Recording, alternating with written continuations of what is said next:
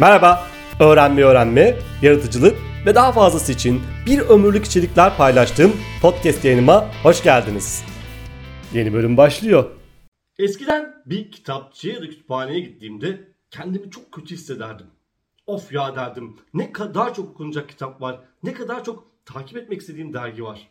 Bunların hepsini okumam asla mümkün olmayacak. O zaman internet bu kadar yaygın değildi. 90'ların sonundan bahsediyorum.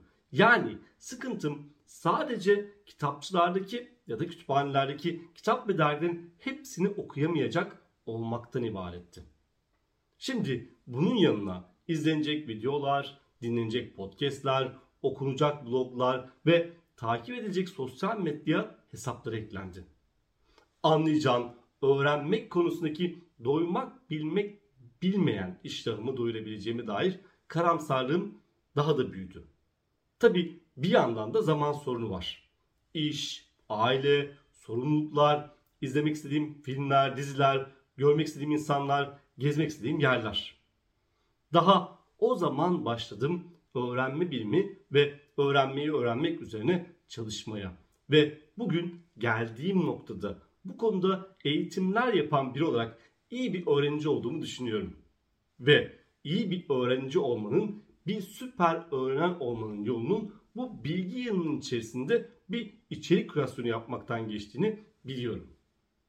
Eğer bir süper öğrenen olmak istiyorsan önce öğrenmeyi öğrenmen gerekiyor. Öğrenme nedir? Nasıl gerçekleşir? Öğrenme hedefi nasıl belirlenir? Sen nasıl daha verimli öğreniyorsun vesaire. Bunları kastediyorum. Öğrenmeyi öğrenirsen öğrenmek ve gelişmek istediğin alanda kendine bir kişisel öğrenme tasarımı yapabilirsin. Çünkü neyi nasıl öğrendiğini en iyi sen bilirsin. Neyi nasıl öğrendiğini bilmen çok önemli. Bunu bilirsen bu bilgi ve öğrenme kaynağı yığının içinde ihtiyacın olanları daha iyi seçebilirsin. İşte bu seçim bir içerik kreasyonudur. Peki hızlı ve etkili bir kişisel öğrenme tasarımı için içerik kreasyonu nasıl yapılır? Hazırsan hadi başlayalım. Adettendir. Önce kürasyon nedir, küratör ne demektir ondan başlayalım ki içerik kürasyonu ile neyi kastediyorum daha iyi anlaşılsın. Kürasyon kelimesinin temelinde Latince cura var. Özen, bakım anlamına geliyor. Aslında bu kelimeyi biliyor ve kullanıyoruz. Ama kür olarak. İngilizcesi ise cure yani tedavi, derman, bakım anlamına geliyor. Türkçe'de oradan gelmiş olmalı. Mesela manikür, manüs ve kürün birleşiminden e, meydana geliyor ve el bakımı demek.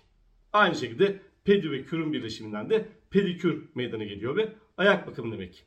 Hatta daha ilginci kürdan. Kür ve diş anlamında dent kelimelerinin birleşiminden oluşmuş ve diş bakımı demek. Kürasyon kavramı ise sergiler, müzeler ve festivaller için kullanıla gelmiş. Bir tür iyileştirme, bakım yapma gibi. İşte var olan eserlerin özenli bir şekilde seçilerek sergilenme sürecinin iyileştirilmesi gibi düşünebilirsin. Küratör ise Latince curatus, İngilizce kuratör kelimelerinden geliyor.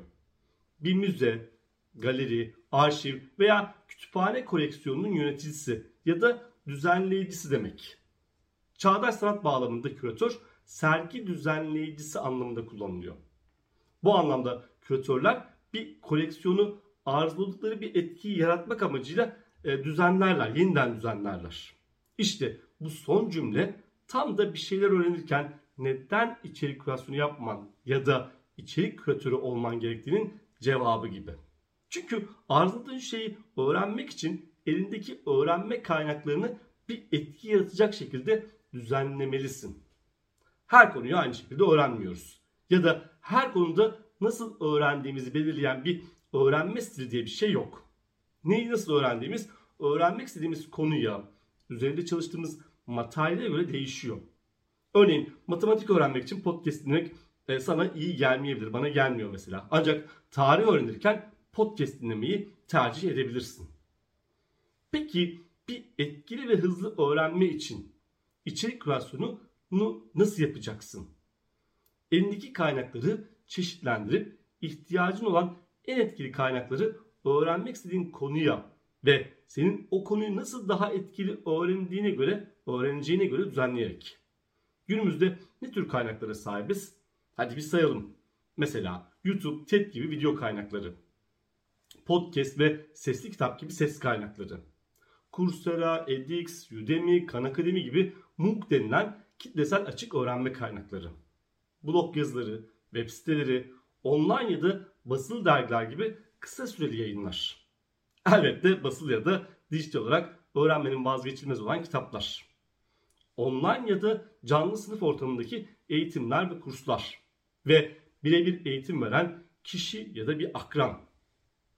Eğer elimizde onlağımız varsa neredeyse hiçbir zaman bir şeyleri tek bir tür kaynaktan öğrenmeyiz.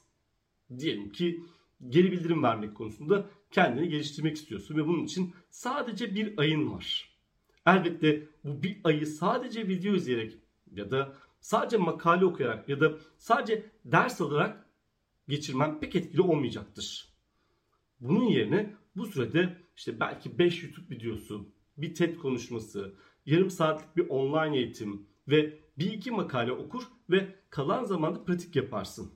İşte bu yaptığın şey aslında bir içerik kürasyonu ve herhangi bir konuda bir öğrenme sürecine başlamadan önce bu içerik kürasyonunu yapman senin o konuyu daha etkili ve daha hızlı öğrenmeni sağlar. Çünkü böylece hem görmüş, dokunmuş, duymuş olursun hem e, deneyim yaşarsın hem de daha az ama daha doğru kaynakla daha hızlı öğrenirsin. Bazı şirketler belli konularda çalışanlarına içerik kürasyonu yapıyor ve bu kürasyonun içindeki kaynakları da bir kütüphane olarak sunuyor. Eğer böyle bir şirketteysen emin ol çok şanslısın. Çünkü ya zaten elinde üzerinde detaylı bir şekilde çalışılmış hazır bir kürasyon vardır ya da kendin bir kürasyon hazırlamak istediğinde e, birilerinden yardım alabilirsin. Bunun nasıl yapıldığını bilen birilerinden yardım alabilirsin. İkincisi e, internet üzerinde böyle hazır kürasyonlar var. Bunu sağlayan uygulamalar, web siteleri bulabilirsin. Ama en güzeli kendine uygun bir kürasyon yapman ve mümkünse faydalanabilmen için bunu başka insanlarla paylaşman olur. Kişisel öğrenme tasarımı için içerik kürasyonu yaparken e, başlamadan ve hatta o kürasyonu hazırlamadan önce mutlaka öğrenmek ve gelişmek, gelişmek istediğin konuda internette biraz zaman geçir. Hızlı bir tarama ile bu konuda yazılmış kitapları, dergileri, blogları, podcastleri, videoları vesaire bulabilir ve bu kaynaklar hakkında yazılan yorumları, tavsiye edilenleri vesaire görebilirsin. Alanında uzman kişilere ulaşman ve onlardan içerik kürasyonunu desteklemelerini istemen harika olur. Öğrenmek istediğin konuda kendini geliştirmiş bir tanıdığın varsa bir iş arkadaşı mesela doğrudan ondan da yardım isteyebilirsin. Eğer tanımadığın biri ise sosyal medya hesaplarını inceleyerek onların önerdiği kaynakları kullanabilirsin. Hatta bence mail ya da e, sosyal medya mesaj üzerinden o kişilere ulaşıp onlardan bu kürasyon konusunda sana fikir vermelerini isteyebilirsin. Kendimden biliyorum ki eminim ki e, çoğu kişi sana olumlu dönüş yapacak mutlaka cevap verecektir. Ben kendi adıma bana gelen böyle mail ya da mesajlara asla e, cevap vermezlik yapmıyorum. Mutlaka cevaplıyorum onları. Bir diğer önerim ise e, kitapların e, kaynakça ve içindekilerine göz atmak olacaktır. Çünkü e, bu sana bir fikir verecektir. Örneğin kaynakçada geçen bir video aslında senin tam da ihtiyacın olan video olabilir. Özetleyecek olursam, insan nereye gideceğini biliyorsa artık en büyük problemi nasıl gideceğine karar verip yola nereden başlayacağını bilmektir. Ve çoğu kişinin hızlı ve etkili öğrenememesinin en büyük nedeni tam olarak budur. Neyin neyini ne kadar öğreneceğine karar verip nasıl öğreneceğini planlamak ve nereden başlayacağına karar vermek. Ve kendi öğrenme sürecin için bir içerik kürasyonu yapmak hızlı ve etkili öğrenmen konusunda sana çok yardımcı olacaktır. Kolay gelsin.